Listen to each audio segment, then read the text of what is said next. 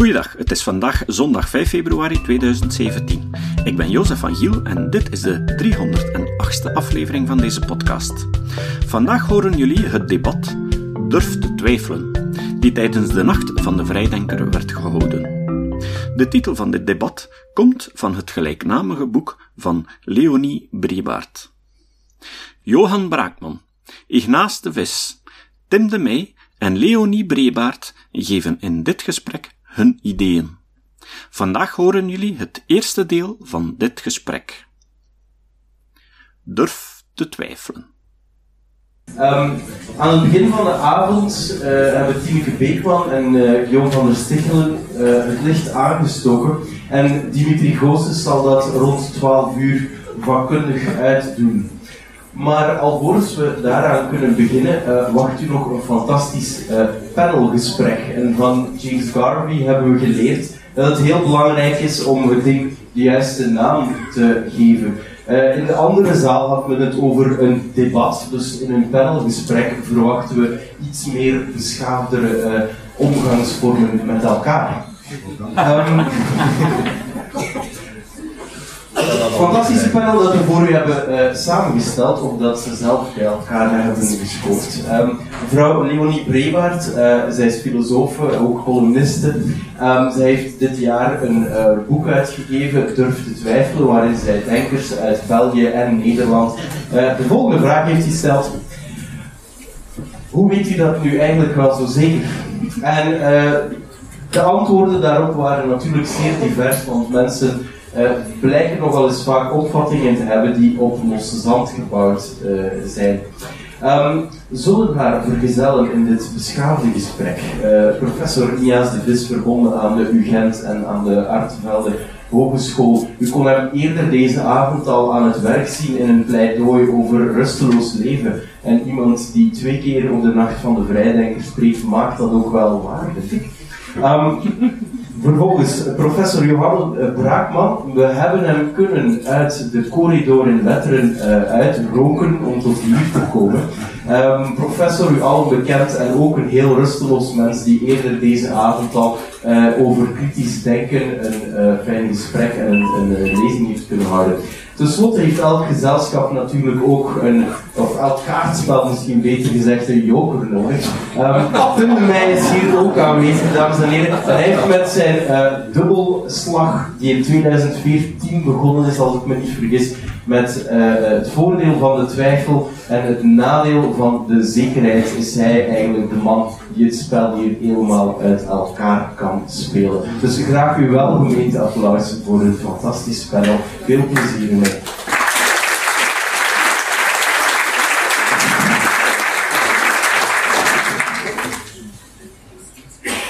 Dag allemaal. We zijn heel blij dat jullie hier zijn en dit uh, voor het café hebben gekozen voor het bed. Uh, waarschijnlijk zijn dit allemaal heel kritische mensen. Uh, mensen die vragen stellen. Hoe weet je dat nou eigenlijk zo zeker? Dat is natuurlijk heel belangrijk voor de filosofie, maar ook voor kritische burgers. Ook voor journalisten trouwens. Kritisch zijn betekent steeds maar door willen vragen totdat je in ieder geval iets, iets zekerder weet. Um, ja, aan de andere kant, het is natuurlijk ook heel belangrijk in de filosofie om steeds maar weer door te vragen. Dat is heel duidelijk in het boek van Tim de Meij. Uh, er is ook wel een beetje een probleem met twijfel en sceptisch. En ik denk dat we daar ook over moeten hebben. Uh, een van de mensen die we geïnterviewd hebben voor dit boek, Tim de Beekman, die ook al eerder hier is getreden, uh, die zegt: het wantrouwen is mainstream geworden. Mensen zijn tegenwoordig zo sceptisch, ze twijfelen zozeer aan de autoriteiten waar ze vroeger nog in vertrouwden. De rechter, de media, in de politiek, dat ze eigenlijk, ja, dat de democratie eigenlijk niet meer zo werkt als ze zou moeten werken. Ze twijfelen over, uh, nou ja, over eigenlijk zo'n beetje alles, maar in ieder geval is geen vertrouwen en geen autoriteit meer. En de vraag is een beetje, denk ik, die niet vandaag op tafel ligt. Uh, in hoeverre zijn filosofen daar verantwoordelijk voor? Dat is misschien wel wat sterk geformuleerd, maar kan de sceptisch van de filosoof, maakt die het eigenlijk alleen maar erger? Of is die manier van twijfelen, zoals filosofen dat doen, toch behulpzaam om het debat beter te krijgen? Ik denk dat dat de vraag is die we vandaag moeten beantwoorden. En het mooie is dat hier drie heel verschillende sprekers hebben, die eigenlijk allemaal op een eigen manier, denk ik, voor de sceptisch staan, de filosofische sceptisch. Ze zijn al een beetje geïntroduceerd. Uh, ik zou het toch nog even willen doen, maar dan uh, op grond van een sceptische positie. Ik hoop dat ze met me eens zijn. Als ze het niet met me eens zijn, moeten ze dat natuurlijk laten weten. Uh, Tim de Meij, dit boek Het Voordeel van de Twijfel. ik denk dat Tim de Meij langzamerhand heel belangrijk en beroemd is in Nederland, omdat zijn boek wordt gebruikt voor VWO-onderwijs. op de middelbare school. Dus daar gaan we nog drie jaar mee door. En dat betekent dat ze ingevoerd worden in de filosofie via de skepsis. Een heel eh, knap en mooi boek. Uh, en wat ik eigenlijk nog wat aardigste vond, is dat het zo mooi begint. De eerste zin is: Hoe je voor mensen die iets zeker weten. Dat is denk ik ook wel een beetje de uh, filosofie van Tim de en dat is ook wat heel erg uit dit boek spreekt. probeer vooral niet, ook niet in het debat denk ik, maar als we het later over hebben, alles te zeker te weten. Dat is een gevaar. Dat is eigenlijk misschien het grootste gevaar wat in het debat naar voren komt. Um, ik zou, ja, dat, het grappige is dat wij voor dit boek ook hebben geprobeerd leerlingen te spreken te krijgen en docenten die dit boek gebruikt hebben. Um, sommigen waren aanvankelijk wat sceptisch, zeiden gaan we nou het hele jaar bezig zijn met uh, allerlei dingen, experimenten en hoe relevant is het om nou te weten of er een buitenwereld is of dat ik misschien ook wel een brein van ben, dat ik allemaal wat zwart. Um, nou, het is natuurlijk op zich, het hoort bij een methode voor het om daar toch wel in te oefenen. Aan de andere kant, uh, wat wij als krant, want ik ben journalist, dat zei je al, toch wel belangrijk vonden, was uh, te laten zien hoeveel filosofen in Vlaanderen, maar ook in Nederland, zich bemoeien met maatschappelijk debat. En we hebben daar allemaal domeinen uh, vastgesteld waarin filosofen een sceptische blik laten, laten gaan over belangrijke debatten. Een van hen is Ignaz Telis, ik zeg nog steeds verkeerd geloof die heel, heel op zijn manier sceptisch is, denk ik, en voor medicalisering. En ook over, uh, nou, je zou kunnen zeggen, een hele klassieke uh, manier uh, sceptisch is in die zin dat hij even een stap terugneemt van de meningen, de doxa, van waar mensen op dit moment in geloven. En dan zegt, klopt dat nou wel?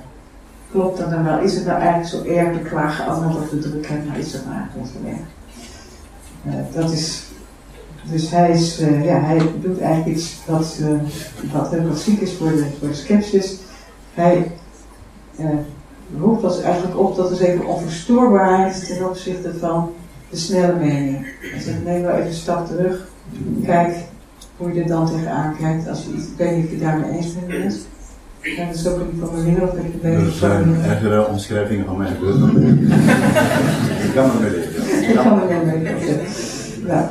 Jan Braakman is hier zeer bekend, begreep ik. Iets minder, maar het is ook iemand die zich net als een jas uh, heel erg profileert, ook in de, in de media en als, uh, als kritische denker. ik vraag me af, um, ik ben tegelijkertijd zeer sceptisch over ja, eigenlijk over alle pseudo-wetenschap, pseudo-religie, of misschien ook wel over alle religie.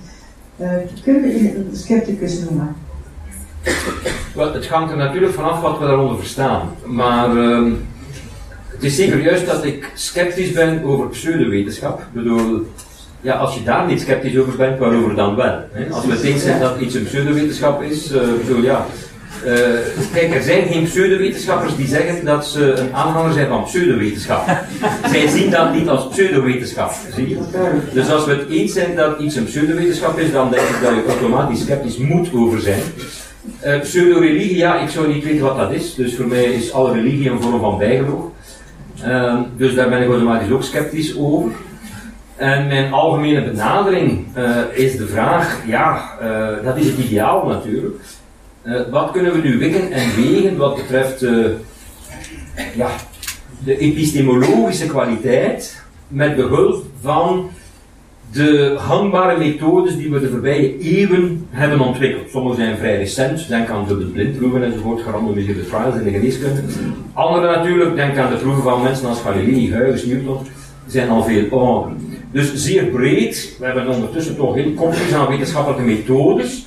Dat is voor mij de filter die je gebruikt om de waarde van informatie, daar waar je dat kan natuurlijk, te wikken en te wegen.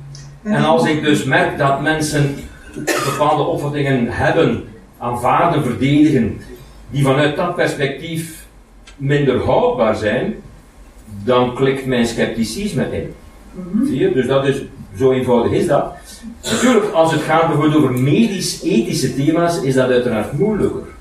Er zijn geen methodes, toch niet in die zin, om over euthanasie of genetische manipulatie enzovoort te Dat zijn praten. ethische thema's daar dat deze. Wel, je kunt daar natuurlijk ook sceptisch in zijn, maar dan moet je dat denk ik anders gaan invullen. Je? En in hoeverre denk je dat uw positie het meest bijdraagt aan het debat waar we nu eigenlijk mee zitten? Dat heel veel mensen heel erg sceptisch zijn over, waar, over of ze überhaupt gamma-kennis misschien niet eens meer geïnteresseerd zijn in de Ja. Denkt u dat uw manier van sceptisch beoefenen daar het meest eh, relevant is op dit moment?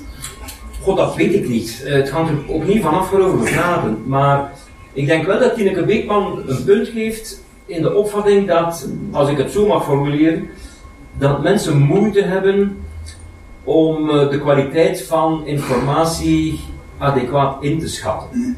Dus het maakt allemaal niet veel uit waar de, welke bron het is of waar het vandaan komt. Dus misschien, u vroeg het al, zijn filosofen daarvoor verantwoordelijk? Van nee, ik denk het niet, je moet daar nu ook niet te veel eh, invloed toeschrijven. Maar, maar niettemin, de, de sfeer of de cultuur van het postmodernisme van de voorbije decennia zal daar wel toe bijgedragen hebben. Dus een relativering van bepaalde vormen van autoriteit met een zwaar woord. Zoals de wetenschap, zoals eh, sommige kanalen uit de media bijvoorbeeld.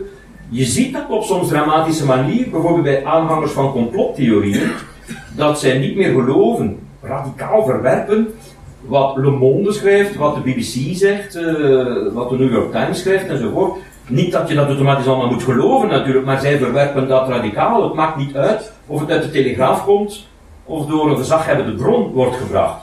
Dus er is een uitholling van in die zin de autoriteit van instituten, instellingen, media, mensen, universiteiten, wetenschap ook, die nogthans methodes hebben om tot relatief betrouwbare of meer betrouwbare informatie te komen. En dat is nefast. Dus dat is gevaarlijk voor de democratie. Dat ben ik eens met Tineke Beekman. Ja. Dat wil natuurlijk niet zeggen dat je naïef moet zijn en, en zegt ja, het komt van eh, de New York Times, dus zal dat kloppen. Uiteraard niet.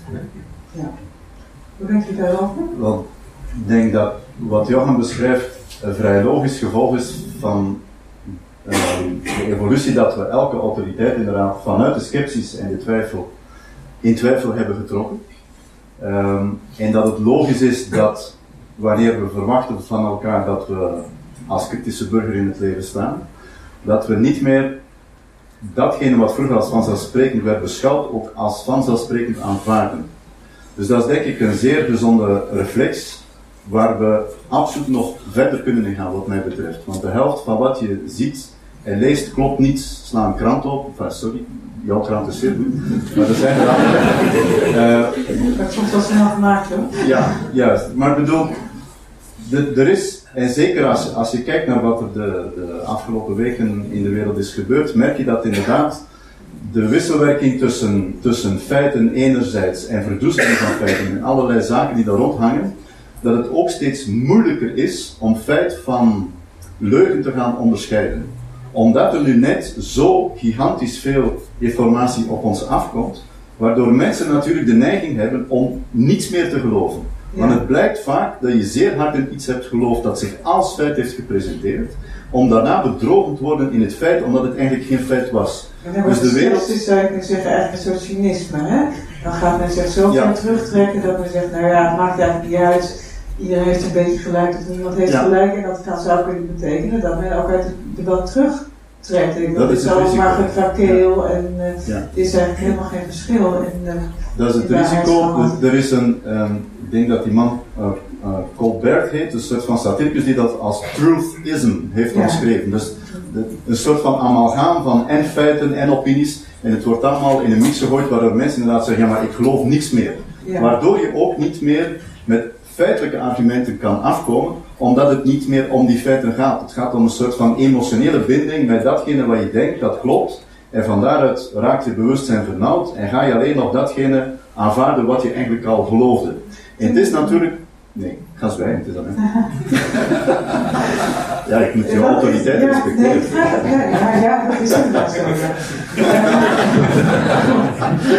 Het is bij mij, uh, ik, ik ben benieuwd uh, wat u vindt, uh, hoe, in hoeverre kan een echte filosofische skepsis hier iets aan bijdragen. Dit boek is geschreven voor het VWO, voor middelbare scholieren, die zich natuurlijk al dat soort dingen ook afvragen.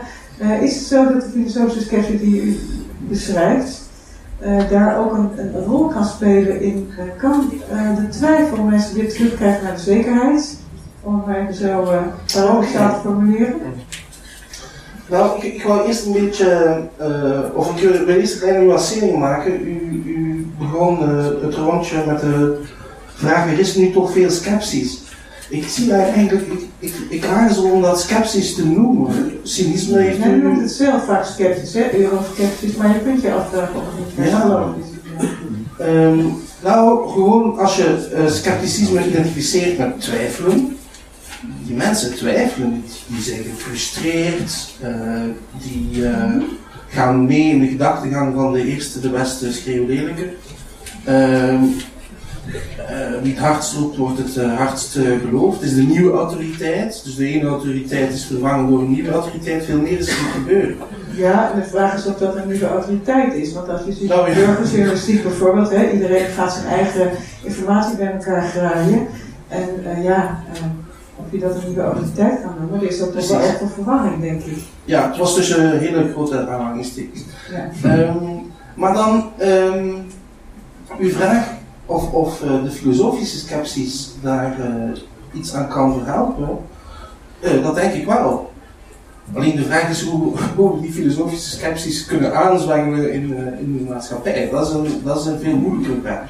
Maar als mensen zouden veel meer alternatieven overwegen, alternatieve keuzemogelijkheden, alternatieve wereldbeelden.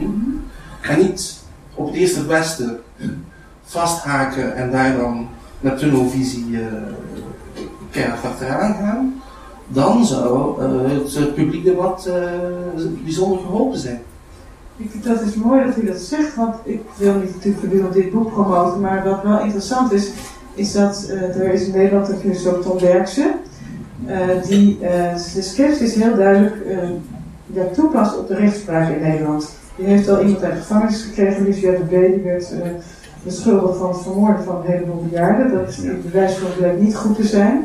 En hij noemt ook het woord tunnelvisie. Hij zegt er wordt te snel veroordeeld, en dus heel concreet ook in de Nederlandse rechtspraak.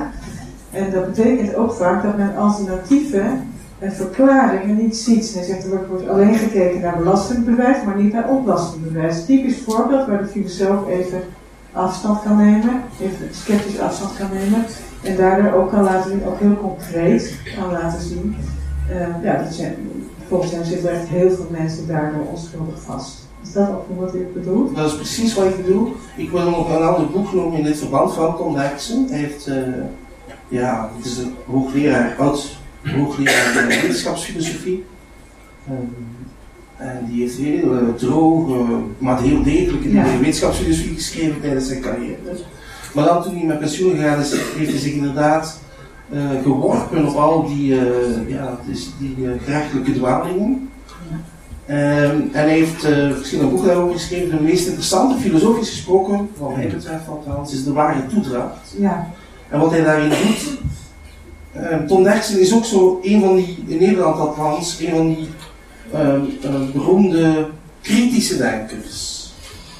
En kritische denkers zijn dus diegenen die, laten we maar eh, een zeer voor de conceptie nemen, die um, alle opvattingen tegen het licht houden en als ze niet voldoen, in de gooien. Hè?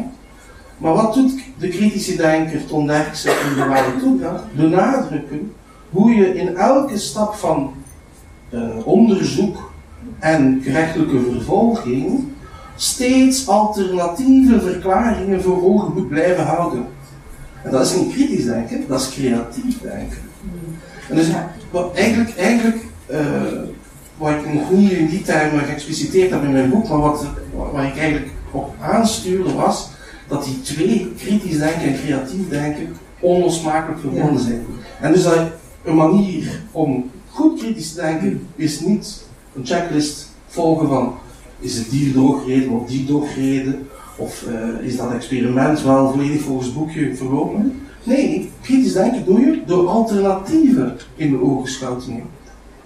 Johan Brakman, bent u daarmee eens? Ik zou misschien meer precies moeten weten wat er mee bedoeld wordt. Dus we zouden iets concreter moeten invullen. Ton Derksen, goed Ja, Ton Derksen op zijn lijn zit ik volledig.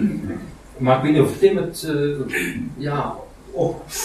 Waarop ga je toepassen? Denk nu aan zoiets als alternatieve geneeskunde. Moet ik voortdurend alle andere opties openhouden? Ook als men met de erkende wetenschappelijke methodes geeft aangetoond dat iets niet werkt.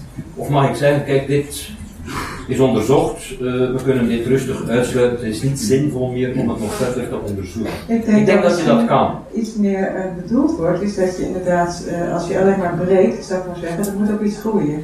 Ja, maar dat, dat doet dat onderzoek natuurlijk. Hè? Ja, maar je moet een hypothese, je moet ook hypothese ontwikkelen, ook in de wetenschap. Je kunt wel alleen maar falsificeren, maar als je geen hypotheses ja, maakt, dan, dan Ik denk dat goede wetenschappers zijn nu net zeer creatief in het bedenken van ja. nieuwe hypotheses. Nou, dat moet uh, met elkaar verhouding zijn, denk ik. Ik denk uh, ja. dat ik dat ja, Maar wat wil dat concreet zijn? Ik bedoel, we, men doet dat toch? Juist. Ja, nu is in Nederland, na uh, zoveel decennia zwarte materie, is er nu een fysicus die bij een alternatief op de proef is gekomen. Uh, zo, je moet ook niet bedrijven, die proliferatie van alternatieven, dat, is in dat gebeurt in theorie wel in wetenschap, maar dat is een zeer traag proces. En mijn punt is eigenlijk, dat moet gewoon aangewakkerd worden. Maar is dat nu niet zo? Ik bedoel, ik weet niet of ik mijn vinger daar zo goed kan opleggen. Het is toch niet zo dat men in wetenschap verhinderd wordt om creatief te denken. Het is net, wordt net aangemoedigd, maar de vraag is ook, dus ik kan mijn vinger daar nog niet opleggen wat je precies bedoelt hoe creatief of hoe open-minded moet je zijn? Je kunt niet voor alles en nog wat openstaan. je hebt a priori al selectiemechanismen. Precies.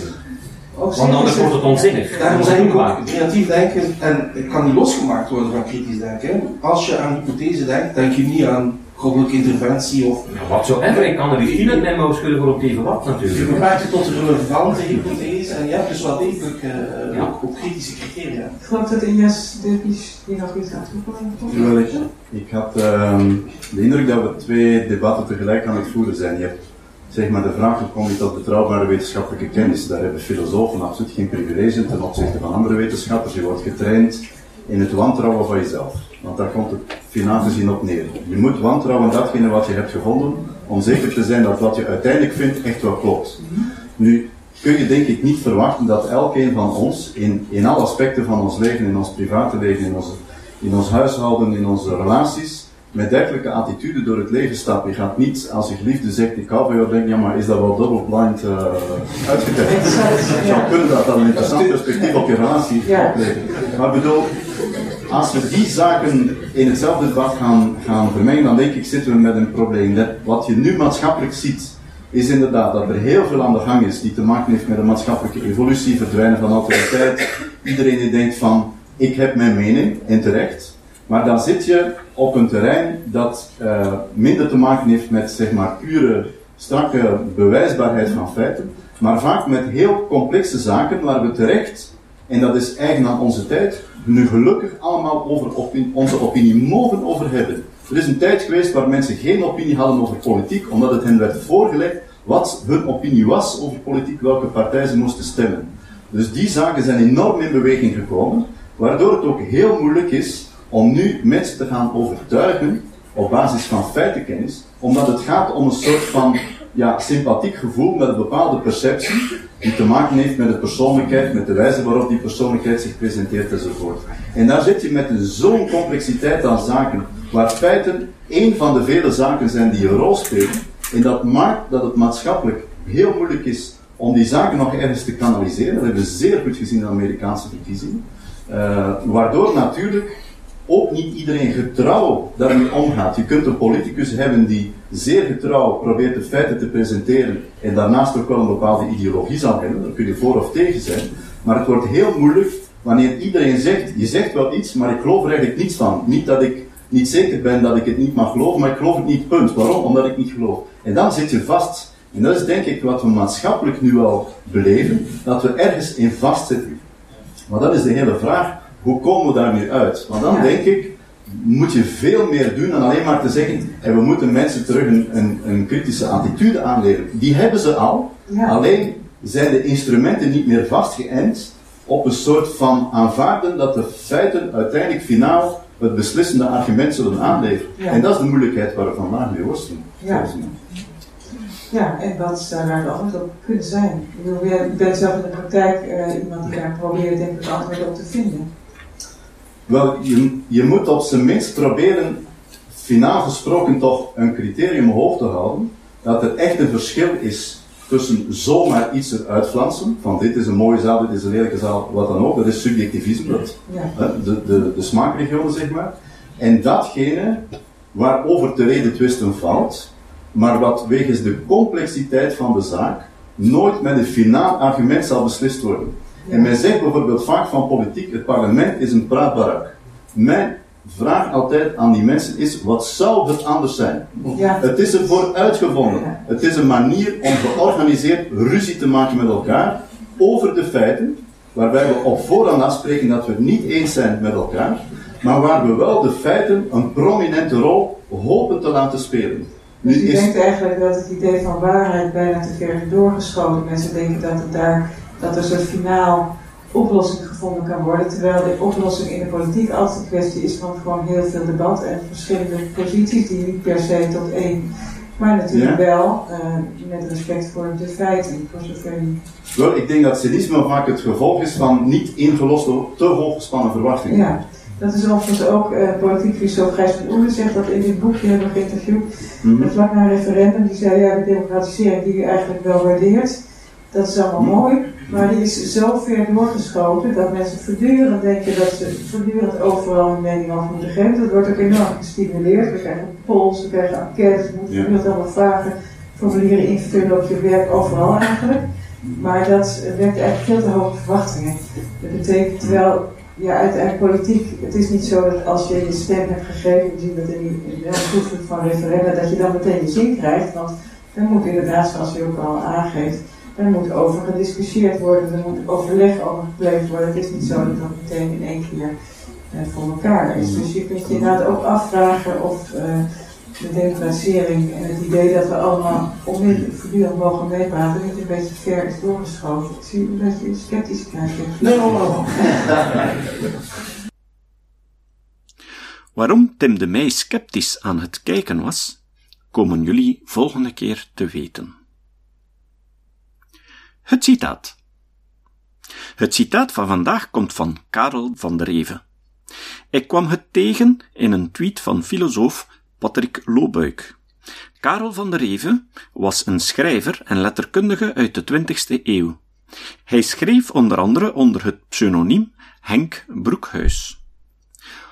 Van der Reven zei: Ik geloof niet dat je meningen effectief kunt bestrijden door de uiting ervan te verbieden. Tot de volgende keer. Deze podcast is het resultaat van het werk van veel mensen. Rick de Laat verbetert bijna al mijn teksten en maakt de meeste vertalingen.